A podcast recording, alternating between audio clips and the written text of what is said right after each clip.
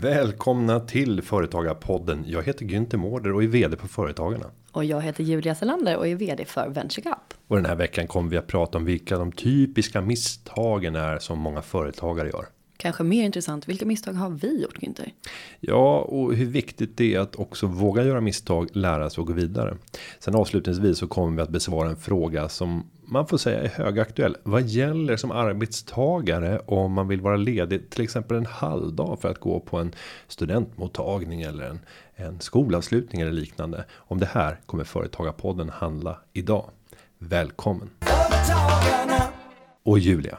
Vi kastar oss in omedelbart och tittar tillbaka på den tid som varit där vi kan konstatera att nu har det varit borta haft eh, viktiga saker för så att jag har fått fylla studion med gäster under eh, ett antal veckor. Men härligt att eh, vara tillbaka. Kul att vara tillbaks. Det har ju varit en, en fruktansvärd period för er. Ja. Och det har ju varit kaos och jag vet att ni lyssnarna har ju märkt det här och hört av er till mig. Eh, räds icke, här är jag. Så att eh, andas ut eh, och sen kan vi ju även avslöja att det kommer att presenteras någonting spännande om Julia nästa vecka. Oj, är det här en sån här cliffhanger? Det är en cliffhanger. Spännande. Det är det absolut. Mm. Så att, eh, Men mer om det då. Mer om det då. Lyssna igen nästa onsdag varje vecka. Ett nytt avsnitt av Företagarpodden. Mm. Vad har du haft för dig då? Eh, det har varit eh, mycket. Jag har varit ute och eh, rest en hel del. Här senast var jag nere i Göteborg. Och träffade kommunstyrelsens ordförande och vd för Business Region Göteborg. De 13 kommunerna som samverkar för att skapa ett starkt företagsklimat i, i regionen. Det som är spännande i Göteborg, det är ju att vi, det är en moderat som sitter som kommunstyrelsens ordförande i Axel Josefsson. Det är första gången på 25 år. Mm. Och du som göteborgare vet att det är inte den blåaste av städer. Det är det inte. Det är väl den staden med störst ändå svågerpolitik som är otroligt starkt. Alltså imponerande starkt. Din uppfattning är den? Min uppfattning är den att det mm. är så. Jag har inget bevis och jag vill heller inte lägga fram det. För jag mm. vill inte stöta mig. Eh, men eh, jag älskar Göteborg. Det vill jag säga. Nej, så att, eh, men bra möten där vi diskuterade vad kan man göra tillsammans för att öka fokus på företagarfrågor. För mm. det är kanske inte det som har stått i centrum i Göteborg och framförallt inte småföretagarfrågor utan det har varit väldigt mycket storföretagande, väldigt mycket kopplat till Volvo, till SKF, till AstraZeneca eh, och andra storföretag som finns i regionen och mm. framförallt alla underleverantörer till de här stora företagen. Och jag tror att eh, ska man skapa, vilket man har som strategi, 120 000 nya jobb fram till 2035 och det är svårt att säga så här. Är det mycket? Ja, det är mycket. Så mycket har man inte levererat under motsvarande tidsperiod dessförinnan. Nu talar vi bara i den regionen alltså. Ja, i Göteborgsregionen. Ja, jag älskar kommuner. det. Det är en otrolig framåtanda. Ja, men då måste man fokusera också på att få fler småföretagare att vilja utvecklas, vilja anställa och fler att gå från att vara anställda till att bli företagare. Mm. Kanske kan vi inspirera till det. Det hoppas vi. Så är du i uh, Göteborgs 13 uh, eh, liksom kommuner så uh, starta ett företag anställ människor. Så bidra kommer man, ja, så kommer man, kan ni bidra till måluppfyllelsen. Jag ska också säga en annan sak som jag tog upp med kommunstyrelsens ordförande där. Ja. Ibland så pratar man ju om att Göteborg och Malmö är stora bidragstagare till eh, de utjämningspengar som finns i eh, det kommunala utjämningssystemet. Mm. De rika kommunerna betalar ju ut pengar till de fattigare och de största tagarna av de här omfördelningspengarna eller bidragspengarna. Det är Malmö och Göteborg. Mm. Men då är det Malmö kommun och Göteborg kommun. Och det jag tipsade kommunstyrelsens ordförande i Göteborg om, vilket är samma även för Malmö. Eh, det är att det blir väldigt fel om du tittar bara på en isolerad kommun. För det är inte så en stad ser ut. Om du bara tar Stockholms kommun. Eh, eller andra storstadsregioner. Så består ju den av mängder av kommuner runt omkring. Som är helt avgörande för staden och för den regionen. Och så är det även för Göteborg. Tittar man på Göteborg så är det mängder av kranskommuner som är väldigt välbärgade och som betalar in stora pengar till utjämningssystemet. Och därför blir det lite orättvist när man säger att Göteborg blir en stor bidragstagare. räkna in då de kommuner runt omkring där man betalar in pengar för att titta på nettot där. Mm. Så det är en, en, här, en passning till er som sitter och gör statistiken. Jag misstänker att ni lyssnar på företagarpodden också. Pröva att göra sådana körningar. Gör sådana körningar både för Stockholm, Göteborg och Malmö och se hur det ser ut på totalen. Bra tips. Ja. lite stat, ett litet statistikutvik. Man är alltid sugen på lite statistiktips. Ja. Eh, men idag ska vi prata misstag. Ja, kul. Du är ju en ofelbar person, det vet ju alla. Absolut. Mm. Eh, men det finns ju en, en, mängd olika misstag som företagare gör och vi har tittat lite närmare på det. Men innan dess så kanske vi ska titta på oss själva. Gör som Michael Jackson sa, börja med att titta dig själv i spegeln. Och just den, just den anmaningen. Jag vet inte, är det, är det lite too soon med Michael Jackson-skämt? Nej. Nej men det tror jag inte. Nej. Det, det funkar. Mm. Eh, om, om du tittar för egen del. Finns det några sådana solklara misstag som du kan summera i, i livet? Vi är ju inte den typen av människor som Nej. sitter och grämer så mycket över. Nej men det är väl, det är väl snarare det för att jag, eh, jag tänker vad jag ska välja men jag kommer liksom inte på någonting. Men jag inser att jag gör misstag hela tiden. Eh, nu får jag lägga in en liten Eh, jag skulle gärna vilja berätta om dessa misstag. Tro mig kära lyssnare, jag är som ni vet ganska öppen och bjuder gärna på mig själv. Eh, men så länge jag är kvar på vänskap så får vi nog hålla lite tyst om det. För att jag tänker att det är ju saker som fortfarande kan, kan ge effekter. vi har ju byggt ja. hela Venture Cup på ja, fake it till make it. Så att det, drar man lite i ena hörnet då rasslar hela skiten ihop. Ja, det, det korthuset faller. Ja. ja. Eh, och överst på det här korthuset sitter jag som en fet katt. Och faller hårdast av ja, alla. Så är det. Nej men skämt åsido, jag har ju ändå arbetat hela mitt eh, heltidsanställda yrkesliv, det vill säga snart åtta år i den här organisationen. Eh, och kunde ingenting när jag började. Eh, jag vet inte om jag kan någonting nu heller, men det som är så himla härligt är att Ja, man har ju fått eh, lita på att jag gör saker även fast jag inte kan och sen har jag fått lära mig. Så det har varit ett eh, otroligt tacksamt klimat att göra alla de här misstagen. Men jag tror hellre på att göra en miljard små misstag än ett jättestort. Så att eh, jag vet inte. Är det så intressant? Det är ju mest typ så här upphandling av system och sånt. Det kanske inte är min starkaste sida. Nej. Det är ganska kostsamt för en ideell organisation att, att lägga pengar på att bygga ett eget tävlingssystem som man sen efter två år inser att men, nu, nu har vi ju ändrat tävlingen. Då, då, ja, ska vi, ja, nej, då fick det bli ett nytt system. Ja. Så att mycket sånt skit. Och det där är väl ett vanligt fel bland företagare. Ja men problemet om, om är ju som vanligt att om du inte har kompetensen för att veta vad det är du beställer. Då behöver ju den du beställer av ja, hjälpa dig med det. Mm. Eh, så att tolkningen av det, där, där, skulle, där skulle vi kunna spara en liten peng här och där tror jag. Ehm, så att det kan vi också lägga till på den här listan på vanliga misstag. Att man inte vet vad det är man handlar upp, speciellt när det gäller digitala system. Eh, man vill kanske gärna digitalisera sin verksamhet men man vet inte riktigt vad det är man beställer. Det är lite ja, lek med risker där. Ehm, men sen tänker jag, alltså du då? Misstag. Du har ju ändå jobbat på andra ställen innan. Ja, alltså för jag har jobbat på tusen olika ställen som typ sommar och extrajobb. Men Ja, så där, där, där borde väl eh, preskriptionstiden vara över. Ja, för jag lovar att jag lovar er kära lyssnare.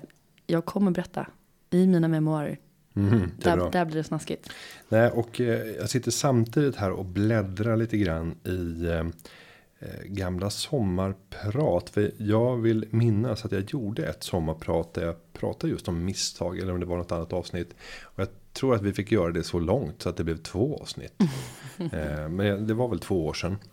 Eh, men om man ska säga ett. Ett typiskt misstag som jag har lärt mig rätt mycket av. Det var på en tidigare arbetsplats. Där jag också var vd. Sen får man räkna ut vad det kan vara. Nej, ja, faktiskt. Det kan vara tre olika platser.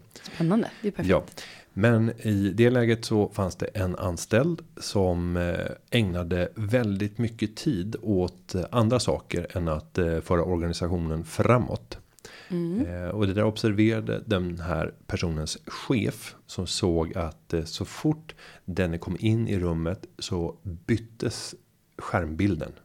Den anställde började byta och gjorde någonting annat och verkade lite nervös över att bli så att säga upptäckt för ja, vad då? Och personen, Nej. Ja, personen började misstänka mer och mer. Och det här pågick under lång tid.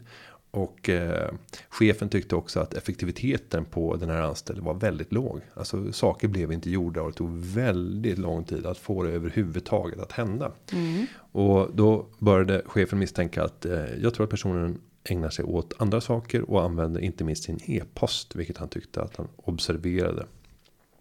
Så då kom frågan till mig som vd. Är du redo att eh, låta oss gå in via it-chefen? Då behövs ett godkännande från dig som vd och gå igenom e-posten för att kartlägga och se att eh, eh, om det förekommer saker som inte borde förekomma där på arbetstid.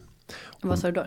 Ja, självklart. Eh, för personen, chefen var ju så övertygande om att det här var någonting som stal väldigt mycket arbetstid. Så att eh, sagt och gjort, IT-chefen tog fram och kunde även ta fram deletade mail för att på så sätt också se vad har det funnits. Mm, och vi kunde kartlägga att det var så mycket material, så mycket korrespondens som var för ett helt annat syfte och eh, i ett semi-professionellt syfte. Så hon ägnade eh, massa tid åt en annan eh, organisation som administrerades. Jaha, så ni, hade, ni betalade egentligen för att? För en, en administration som jobbade åt någonting annat än vårt. Mm. Ehm, och eh, personen i fråga sades upp och sen så eh, meddelade jag på ett personalmöte att vi har eh, sagt upp den här eh, medarbetaren till följd av att vi har gått in och studerat eh, e-posten och konstaterat att personen ägnat en betydande del, sannolikt en majoritet av sin arbetstid åt uppgifter som inte är gagnade att ämna vårt syfte utan någonting helt annat. Oh, ni sa detta på ett personalmöte? Yes. Hur blev stämningen i det? Det blev nervöst. Folk började skruva på sig och eh, jag lyckades ändå även säga att vi har även eh, sett på borttagna mejl eftersom vi har säkerhetskopior som gör att vi kan titta på allt som har försvunnit och det har stärkt oss ytterligare i vår uppfattning oh, om att det här beslutet är Man bara rätt. känner hur alla bara, eh, ursäkta, jag ska bara, eh, jag ska gå och kissa, eh, jag måste ringa ett samtal och går ut och panikdelitar hela sin inkort. Ja, och det är väl sent då, för det är allt som delitas går att ta fram. Men eh, Nej, det blev en kö utanför mitt eh, arbetsrum där eh, anställda ville komma in och bikta sig och säga att jag måste bara säga innan. Jag eh, tror ju sannolikt att ni har gått igenom min mail också och jag vill bara förklara att, att anledningen till att jag haft korrespondens med dagis här och med Nej. skolan till mina barn är för att bara få ihop min arbetsvardag och för att vi ska kunna. Så bara, ja, ja, ja, ja, ja, alltså, det är självklart att jag ska kunna använda den till det. Men du förstår paniken och så här skämtmail som man skickar mellan kompisar och liknande. Om man tänker att ens chef skulle sitta inne och titta i mailkorgen och gå igenom. Alltså du har ju sabbat det förtroende som hela ledarskapet vilar på. Eh, så att eh, det jag lärde mig det, det är ju att chefskap handlar i grund och botten bara om förtroende. Det förtroendet brister om du gör integritetsintrång hos de anställda. Även om det är för vällovliga syften. Ja, då har du en annan typ av, eh, av makt och det är ju att de är rädda för dig. Och ja. den motivationen till att jobba kanske ändras lite grann då. Ja, och man kan ju skämtsamt säga så här. Förtroende är bra. Kontroll är bättre. Ja, men och det, det stämmer det, inte riktigt. Nej, och det är ungefär det här, den här typen av ledarskap. Jag Vad jag borde ha gjort. Jag skulle absolut kunnat hantera situationen på samma sätt när det gäller att faktiskt gå igenom mejlen. Men sen gentemot personalen att jobba med förtroendet. Eh, och bara säga till personalen att ni måste eh, tro på mig som vd när jag eh, säger att vi har säkrat bevis som gör det uppenbart att personen har ägnat en betydande del av eh, sin arbetstid åt helt andra saker än att skapa värden här och mm. det är mm. naturligtvis helt oacceptabelt. Det gör att vi inte klarar av att eh, eh, kunna expandera, kunna satsa på rätt saker för att vi betalar ut lönekostnader för personer som inte genererar någonting. Det är helt oacceptabelt. Ni mm. måste lita på att det här är korrekt eh, och, och Sen får ni naturligtvis känna sympati för den enskilda medarbetaren. Men, men det här det är oacceptabelt. Inget kan försvara det. Det tänker jag nästan snarare hade stärkt. För att då blir ledarskapet att du är en trygg. Att jag räddar de andra. Alltså ni som sköter er ska inte drabbas av personer som försöker fuska. Men det är spännande där med eh, just balansen mellan eh, vad ska man säga, privatliv och eh, jobb. För dig och mig så handlar ju våra jobb väldigt mycket om att vi är ju varumärkena som vi företräder också. Det är ett mm. jobbet upphör ju aldrig. Det kan sannolikt vara så att man har sin jobbtelefon även som sin privata, eller? Absolut. Mm. Eh, man kan säga att det finns ju en anledning till att jag inte synkar eh, automatiskt på Dropbox. Eh, mm. Utan jag har ju liksom den här eh, online-versionen. Jag har inte sparat sakerna på datorn. Ni vet att man kan göra på två olika sätt. Mm. Det finns en anledning till det. Och där, eh, apropå synkningar. Och det här kan vara någonting som räddar människor. Eh, ja, men, men vänta här först tänker att ni sitter då det här kan vara en helt vanlig person, det behöver inte vara jag, men i det här fallet var det jag. Just sitta på ett sånt där möte och bara, oj, eh, vi sitter på konferens. Eh, det, vänta, nu ser jag här, det är någon som, eh, oj, eh, jag, det, jag, vet inte vem det är, men det ser ut som att det är 2000 bilder här som, det är nog inte jobbbilder. Alla bara, ha ha ha, vem är det? Nej, nej, nej, och jag går in och kollar och inser, det är klart att det är mina fucking bilder som har laddats upp. Det är alla mina mobilbilder som någonsin har tagits. Sen liksom har synkats upp i Dropboxen för att jag då antagligen snabbt har bara klickat på ja eller någonting. Jag har kopplat in mobilen för att ladda den. Alltså det var inte det att det var fruktansvärda bilder på något sätt men så här, det känns lite privat ändå att typ alla mina så här, man, man har tagit lite selfies eller man har typ tagit någon familj, alltså vad det nu än må vara för någonting. Eh, utmaningen var också då att jag skrattar lite så haha, oj vilket pinsamt, jag bjöd på det. Eh, går in och ska radera dem.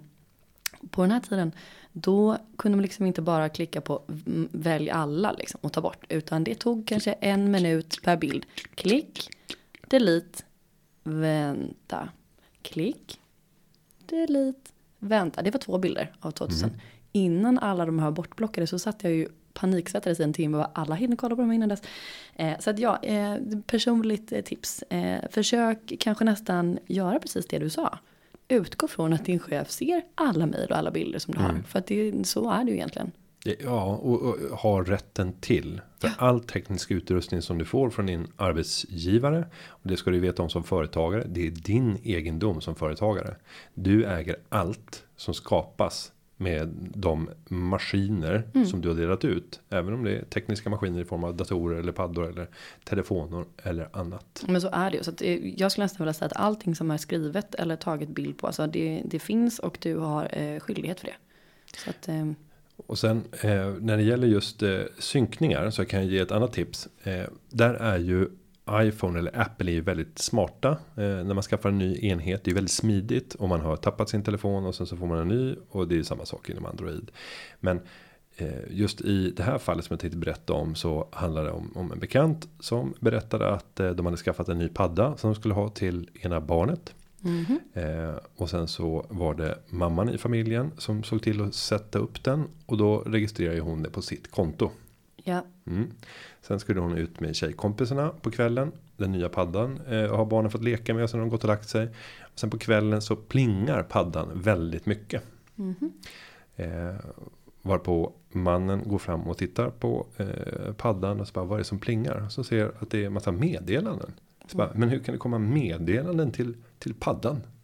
Eh, och börjar snart inse att det jag just nu ser och följer en konversation Nej. med min hustru och en annan man som just nu är ute i svängen. Håller på och bestämmer var de ska mötas upp och hur de ska organisera kvällen och natten. Trevligt. Och du vet när man sitter då med sin nya padda som barnen har. Jävlar vad jobbigt.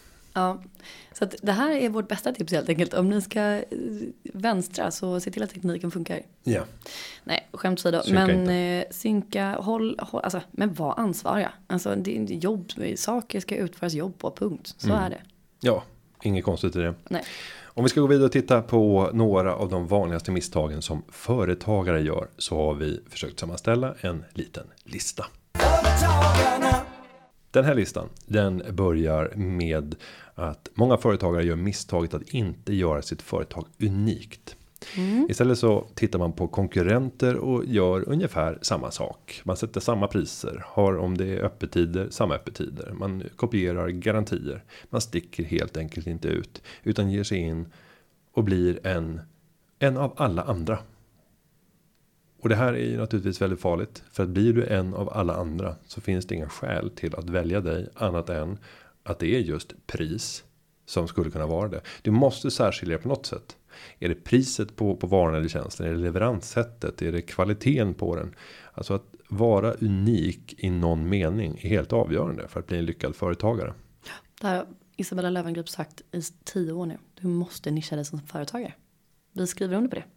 Ska vi gå vidare på listan? Det ska vi. Eh, ja, men ett annat misstag som man gör är att man helt enkelt inte marknadsför sig. Man kanske tror att eh, ja, man är så pass bra, och levererar så pass mycket värde att det, det ger sig av sig självt. Men det finns ju som bekant tusen olika sätt att marknadsföra sig på.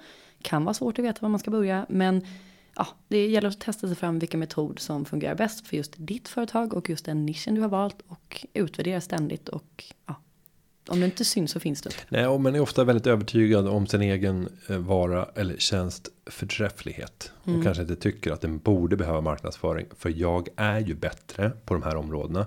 Jo, men då måste du också berätta det.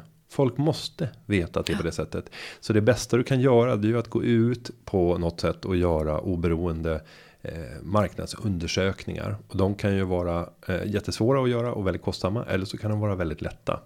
En sak det är ju att bara göra sitt här, digitala självtest eh, och där har vi ett annat tips. Man har dålig närvaro på nätet.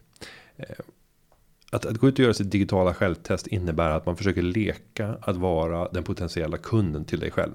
Och sen eh, ska man försöka googla sig fram till det problem där du har lösningen genom din vara eller, eller tjänst. Utmaningen är att när du söker så har du oftast en mycket djupare insikt så dina sökningar blir mycket mer precisa än den förmodade kunden potentiella kunden. Så att egentligen så ska du fråga andra personer. Vad hade du googlat på om du skulle lösa det här problemet? Mm. Sen ska du sitta inne på den problemlösningen. Men bara när du har sagt det så, så kommer de ju att i hög utsträckning säga det du har sagt. Så att det gäller att titta på vad är det människor söker efter? Titta i sökstatistik. Och finns du inte i liksom topp 5 i, i, i den listan över alternativ som kommer upp på företag som kan lösa det här problemet. Så är sannolikheten väldigt stor att du inte ens kommer bli ett utvärderingsbart alternativ. Folk kommer inte ens hitta dit. Ja, i alla fall inte nykunder. Nej. Nej. Eh, och sen tänker jag också att just som du är inne på. Eh, en, en, en till punkt är att man inte, man kanske marknadsför men man mäter inte resultatet. Och då är det inte så mycket eh, som kommer ut av det. Nej, det blir ju inte en lärande organisation. Alltså allt du gör måste du någonstans mäta och följa upp. För annars så vet du inte vad är värdet av den här insatsen. Vad hade jag kunnat göra annorlunda? Men jag tror att det här är väldigt vanligt att man eh, hoppar gärna över det. För det kan vara lite obekvämt att faktiskt få svart på vitt vad folk tycker. Då vill man hellre bara, ja men nu har det gått bra ett tag, nu kör vi på. Bra. Kändes bra. Uh, nej, men kontroll är A och O när det gäller sånt där. Sen så ett, ett bra och enkelt test. Det är ju att använda samma metodik som man har. När man eh, sitter inom. Eh, tittar på, på sajter. Hur man kan utveckla dem. Att köra AB testning. Du kör två olika versioner. En A-version och en B-version. Testa båda. Se resultaten av dem. Eh, och sen så går du vidare med den som är bäst. Utifrån den bästa. Delar i två delar igen. Gör två nya varianter av den bästa. Och sen så successivt förfina. Den här metoden kan man ju använda i mängder av sammanhang. Mm. Där det är framförallt de här repetitiva delarna. Där du kommer göra samma sak flera gånger om. Eh, så testa dig fram till det absolut bästa. Ja, sen en annan sak som är ett misstag som är vanligt förekommande är att man inte har någon plan för vad är det värsta som kan hända. Mm.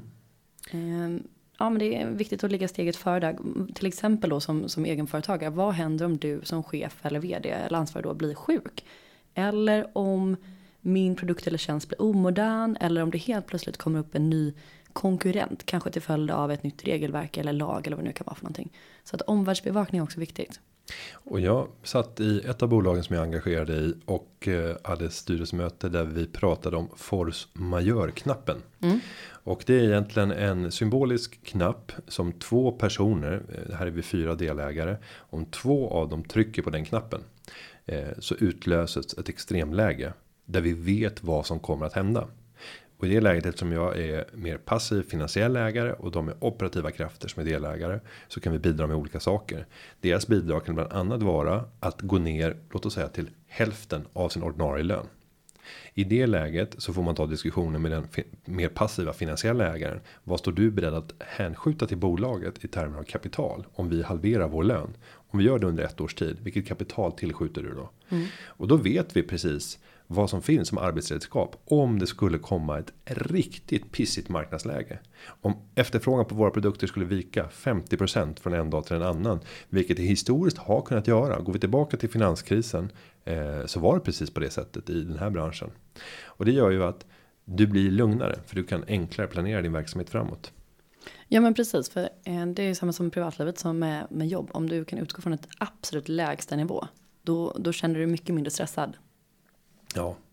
Eh, ska vi gå vidare? Mm, ett, tips där mm. också mm. i och för sig kommer tänka på nu. Eh, det kan ju vara lätt att tänka att ja men ja ja vi kör på och om det skiter sig då skiter det sig.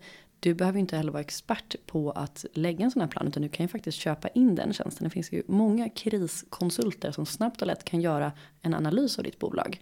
Och det kanske kan vara värt den lilla pengen det kostar att faktiskt få den hjälpen. Ja, och om man vill tänka sparad krona där så skulle jag tipsa om att bege dig ut på en träff med företagarna. Det finns över tusen stycken att välja på sådana här aktiviteter där du kan få träffa andra företagare på plats på en frukostmöte eller på en lunch eller på någon after work eller liknande. Försök samla tre, fyra andra företagare som du tycker verkar vara spännande och som har drivit bolag i ett antal år. Säg att vi tar en kväll där vi käkar en middag och sen går vi igenom bolag för bolag och där vi andra ska stresstesta dig där vi kommer och kastar dåliga scenarier på dig mm. utifrån vad vi själva har fått uppleva under vår företagarkarriär. Det, och då kan det vara allt ifrån någon företagare som berättar om när de blev blåsta av sin ekonomichef som genom fejkad fakturering från bolag som inte existerade plockade ut mängder av pengar från bolaget. Okej, okay, vad gjorde vi då? Eller när eh, marknaden störtvek eller när det kom den här konkurrenten in på på eh, marknaden eller när man inte lyckades hitta arbetskraft och så vidare. Mm.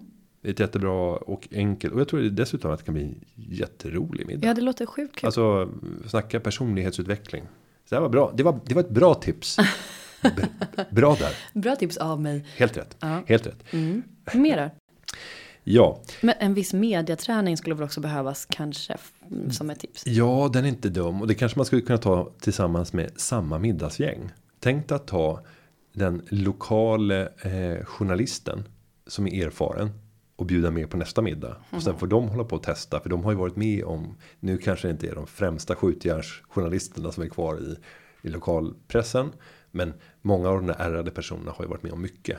Eh, en annan punkt som var med på listan över misstag som man kan göra som företagare. Det är att eh, det saknas roliga och spännande mål. Mm. Alltså, du är ju som chef och företagare eh, ansvarig för att eh, se till att det också ska vara kul och meningsfullt. Att det finns ett syfte att gå till jobbet för all din personal och för dig själv. Och det där är ganska sorgligt för att det förekommer ju även högt upp bland några av Sveriges största bolag. Gud ja. Och framförallt om vi tar de här börsnoterade bolagen som lever nästan som slavar under aktiemarknaden och egentligen kommunicera allting utifrån sina mål utifrån gruppen aktieägare som intressent. Det är de som får gå först när det gäller hur man ska formulera mål och då är det så här. Vårt bolag ska växa med 10% över en konjunkturcykel och i genomsnitt leverera en rörelsemarginal överstigandes 7%. Vår soliditet ska alltid överstiga 60% och vår utdelningspolicy säger att 40% av årets vinst ska delas ut till aktieägarna. Och sen kan man stå där på årsstämman och bara ta emot ett rungande Ja men fundera Nu så här, kör vi! Vilka andra än några nördiga aktieägare kommer att bara så här. Det pirrar i hela kroppen när du mm. nämner det. Så åh, 10% tillväxt. Åh, jag vill så gärna gå till jobbet. Jag vill inte ha den här squeeze day som dyker upp här. Jag skulle bara vilja gå och leverera så att vi kan nå 10% tillväxt. En person som är otroligt duktig på det här är faktiskt du. Det får man säga. Ja men du. Ja men du. Nej men nej det är inte alls mm. det. Eh, men eh, eh, du är verkligen det. Tack. Håller tal till både nationen och till företagarna och det är amerikanska flaggor som svajar i bakgrunden och det är pampig musik och det är tal som går på rim och det är vi ska tillsammans rädda världen. Så här. Man blir väldigt uh, swept away av det. Ja, vad roligt. Nu blir lite tycker att röd liksom... och rodnar här inne. Nej, men jag, jag tycker någonstans att att beskriva det man gör måste få intressenterna runt omkring oavsett om det är medlemmar eller kunder, anställda, leverantörer. Alltså, det måste kittla till lite grann och kännas att det här är viktigt. Mm. Eh, och för företagarna som organisation så är det inte per se att vi ska bli tusen fler medlemmar varje år. Det kommer inte kittla. Vad spelar det för roll för de andra medlemmarna? Enough. Utan börjar vi prata om att du som företagare ska kunna nå din fulla potential det är det vi ska hjälpas åt tillsammans med att åstadkomma. Och det här kan vi göra och vi vill göra det genom att gå samman och skapa ett förbund i företagarna. Och vi gör det för att vi vill kunna titta på våra barn och barnbarn och känna att det vi gjorde under den här tiden som vi fick låna på den här jorden förde det här landet, det här samhället, den här jorden framåt. Så att vi med stolthet kan överräcka det till framtida generationer. Nej men, nej, men det måste ja, vara lite mer dramatiskt. Ju, ni hör ju. Mm. Ja, men jag tycker du hade, jag tror att du hade alla. Ja, jag har, Där. gjort, jag har gjort en lite mer, eh, en li, ännu mer känslomässig inspelning. Jag vet inte om du har sett den på YouTube. Eh, jo, Jo. Eh, så att vi la upp den för några veckor sedan. Den är till vår interna kurs för nyvalda styrelseledamöter runt om i Sverige. I Ja, men det alltså-. Gå in och inspireras för att eh, det är viktigt. Mm. Det är viktigt. Annars så tappar man eh, sina stjärnor i bolaget och så har man bara kvar de som inte bryr sig om jobbet ändå och det är det inte värt. Sen ytterligare en punkt, vill du ta den? Ja, man tror att man klarar av att göra allting själv. Och det där är ju en väldigt vanlig sak som man gör misstag med. Och jag vet varför det är så. Berätta. Ja, det ska jag göra. Kul att du frågar. Helt rätt, Mm. helt rätt. ja, men det hänger, Ja. samman, det hänger samman med följande. Eh, när man startar ett företag så har man ju ett självförtroende som är högre än snittet. Alltså man tror att man är bättre än snittet. Mm. Annars ska man inte starta företag. Eh, förhoppningsvis så är man bättre än snittet och så lyckas man leverera bra. Men det där får ju en negativ konsekvens när man tittar på personer som man sedan har anställt. Eller om man tittar på potentiella leverantörer som skulle kunna göra det jag gör. För att när man har en sån fin och vacker syn och hög syn om sig själv. Så innebär ju det att synen på andra oftast är ju rätt låg. Och framförallt när man är yngre företagare och är väldigt framstående. Alltså du är duktig. Eh, Då är det svårt att delegera. Men då borde man läsa lite mer om till exempel eh, handelsteori inom eh, makroekonomi. För att förstå att även om ett land är eh, sämre på att både framställa äpplen och bananer än land 2. Så är det ändå bättre att det landet som är relativt mindre sämre på att producera äpplen. Alltså det andra landet är fortfarande bättre på att producera äpplen. Men det är bättre att det landet som är lite mindre sämre på att producera äpplen än bananer. Att de fokuserar 100% bara på äpplen. Och att det landet som var överlägsen på båda fokuserar på det som de är relativt mest överlägsna på. Och bara fokuserar på bananer. Tillsammans så kommer de här två länderna producera långt mycket mer. Än om båda producerar lika mycket av varje vara. 50% vardera. Det gamla välbeprövade äpple och bananer exemplet. Ja, Ja. och, och det, där, det där borde man ta till sig och fundera över vilken är min banan och vilken är mitt äpple. För att det, Ja. det är säkert så att du är lite eh, mindre överlägsen på något område. Och på det området kanske ska låta någon annan göra det jobbet. Det skulle väl rekommenderas. I all ödmjukhet. Mm. Eh, hmm. mm.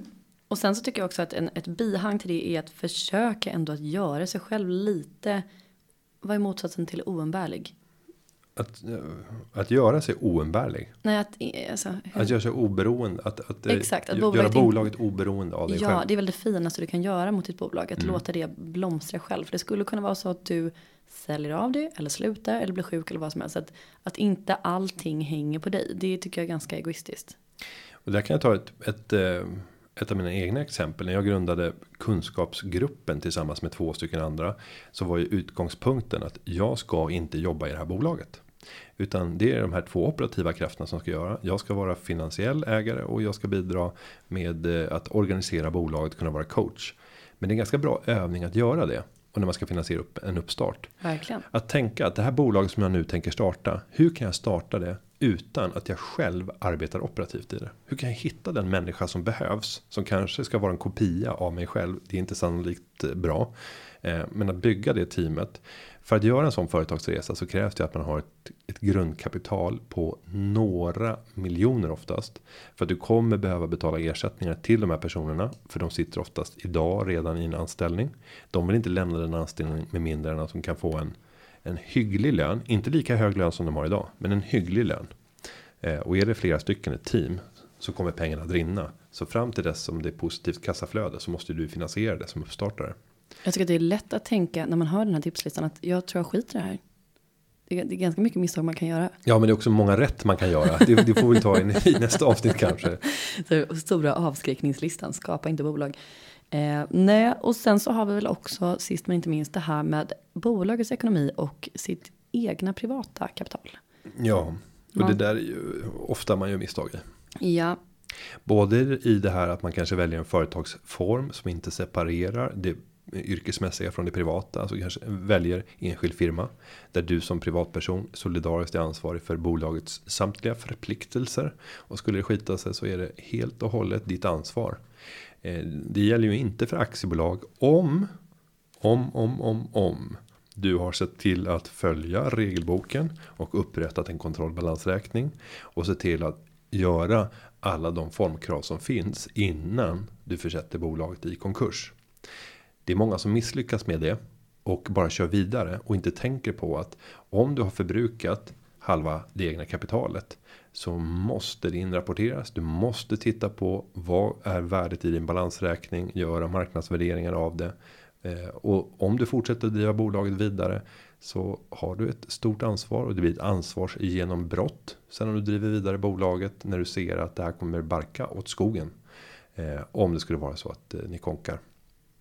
Så det är, många personer som sitter med betalnings betalningsplaner nu för att betala av tidigare skulder som man har fått till följd av aktiebolag. Så du är inte helt trygg bara för att du startar aktiebolag. Jag tänker också att eh, övergripande så när vi pratar om misstag av företagen så vill man väl helt enkelt skapa ett bolag som eh, uppmuntrar till misstag. Det brukar man ju säga att man lär sig så mycket av misstag och sådär. Men fail, fail fast, fail forward. Oj! Vilken otrolig reklamröst du har. Ja, och det där, jag, jag har inte jag berättat att jag har varit eh, speaker det låter, alltså, du både låter och, du låter och ser ut som en hockeykommentator i poddstudion just nu med hörlurarna på dig. Så att det... Och håret som sticker ut på sidorna. Nej men jag har faktiskt och jag hoppas att jag kommer få ta del av den här filmen. Eh, jag är speaker i läkarfilmer. Det här har jag berättat här. Inte? Mm, inte för mig. Nej, inom läkarutbildningen så finns det ett, ett flertal filmer som man ja. får se. Eh, för att lära sig bland annat hur man opererar bort eh, abscesser från bröst. Ja. Eh, med hjälp av en pigtail-kateter. Vilket du nu kan allt om. Nej, jag kan ju inte någonting om det. Vad fick du för det här? Eh, betalt? En, ja, jag fick betalt ganska ringa. Eh, men jag fick en flaska whisky också. Men det låter ju jag kände underbart. läkaren som. Ja, såklart gjorde. Men eh, jag tänker så här. Eh, om någon vill ha Günther eller mig som ljudboksinläsare så finns vi tillgängliga. Ja, och ljudbok är ett ganska stort åtagande. Så jag tänker snarare mindre gig. Reklam. Ja, typ filmtrailers. Ja eh, etiskt försvarbara filmer. Ja. Och trailers och produkter. Men, en morgon vaknade mannen upp. Han förstod inte att det som väntade honom var prostatacancer. Var prostatacancer. Precis. Han gick och hämtade sitt jaktvapen. Nej. Riktade mot sin prostata och sköt bort den med kirurgisk precision. Men det finns ett bättre alternativ. Köp tre, betala för två prostata ampuller. Eh, mm. Ja, nej men eh, innan vi ballade ur här. Eh, man vill alltså skapa en stämning där folk som man jobbar med inte är livrädda för att göra misstag. För nej. det blir väldigt konstigt. Men det gäller också att hitta en balans där det finns en, alltså det är skillnad på misstag och slarv. Du måste sätta gränser. Folk kan inte bara ja, vänja sig vid att ja, ja, det, är ingen som, det blir inga konsekvenser om jag gör fel. Nej, och sen så här, att våga ta kalkylerade risker. Bara, jag vet att det är en risk att göra det här. För det kanske är fel timingmässigt eller det kan vara så att produkten inte kommer hålla eller jag vet inte utfallet på det här experimentet. Men det kan vara också vara så att jag får helt oanade resultat. Och då måste man också räkna på vad är det värsta som kan hända. Ja, och ja. jag beredd att ta kostnaderna för den katastrofen. Och vem tar risken om eh, medarbetaren gör fel? Jo, det är antagligen Ja, men att bygga en kultur där, där, du som ledare säger att jag vill att du som anställd fattar de besluten som du har på ditt bord utan att gå vidare och ställa massa frågor till mig. För jag har tillsatt dig för att jag tror på dig. Och om det blir fel någon gång, då reder vi ut det tillsammans. Men om det blir rätt så ska vi fira de här framgångarna tillsammans också. Mm. Så himla fint. Då ska vi se. Här till Företagarpodden så kan man skicka in frågor Gunt. Jag vet inte om du visste det. Ja, ja, och det ska man göra eh, ofta och mycket. Och då använder man hashtag Företagarpodden på Twitter eller på Instagram.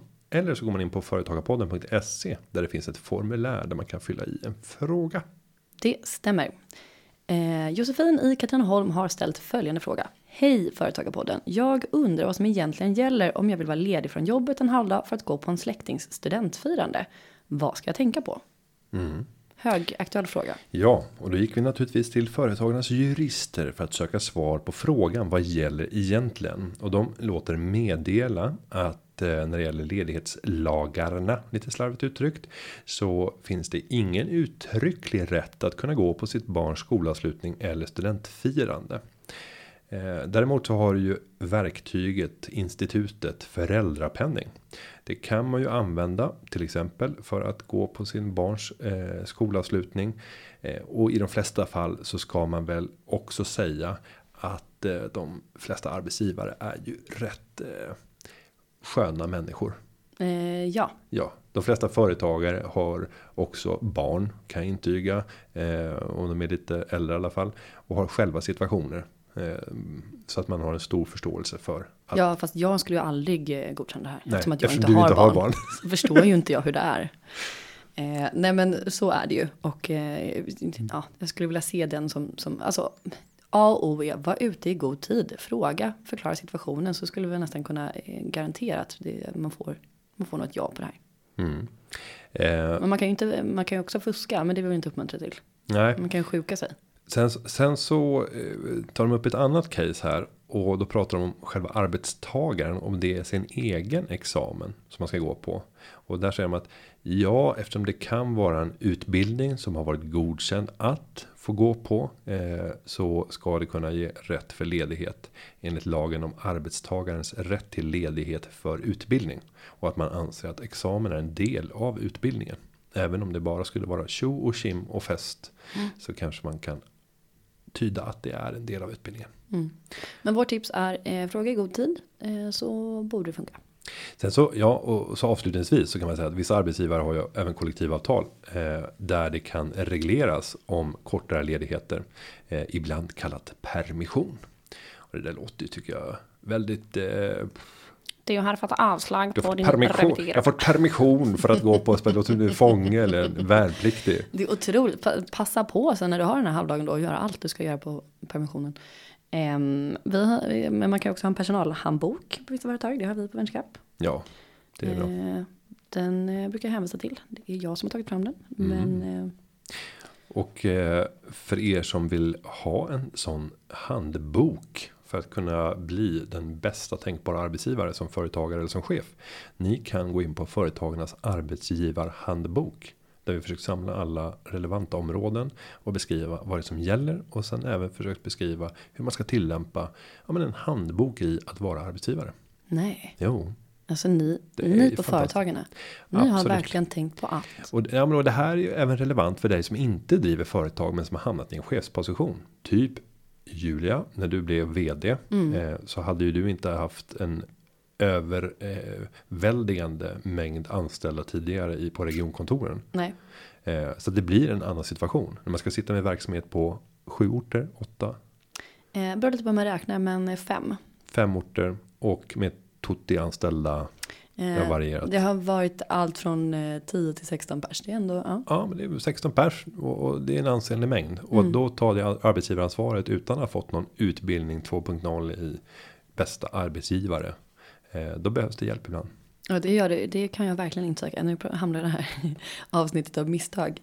Och jag menar inte säga att jag inte vill avslöja så många misstag för att jag inte gör dem. Utan det är som sagt för att det är kanske lite för många för att det ska vara klädsamt. Tack snälla vänskap att ni tror på mig fast jag inte kan något. Mm. Mm. Och på dig fastän du inte heller kan något. Men du, tack. Eh, men nu tycker jag att det här avsnittet va, det, det kändes, det märktes att vi eh, har saknat varandra och vill gärna sitta och gagga. Mm, vi har mm. ballat ur. Ja, långt har vi i alla fall pratat. Ja. Men nu lägger vi av med det för idag. Det gör vi. Då knyter vi, vi ihop eh, den berömda säcken. Vi säger tack för idag. Och eh, den här podden den har förberetts av praktikanten Jessica Ögren som varit inne i tio veckor här på Företagarna och gjort ett formidabelt arbete. Ett utmärkt arbete. Eh, och vi ska säga att klippningen den är gjord av Linda Aunan Edvall. Vi hörs igen nästa vecka. Ha det så gott. Hej hej. Företagarna. Ja, ja, ja, ja, ja, ja. företagarna. Ja, ja, ja, ja, ja, ja.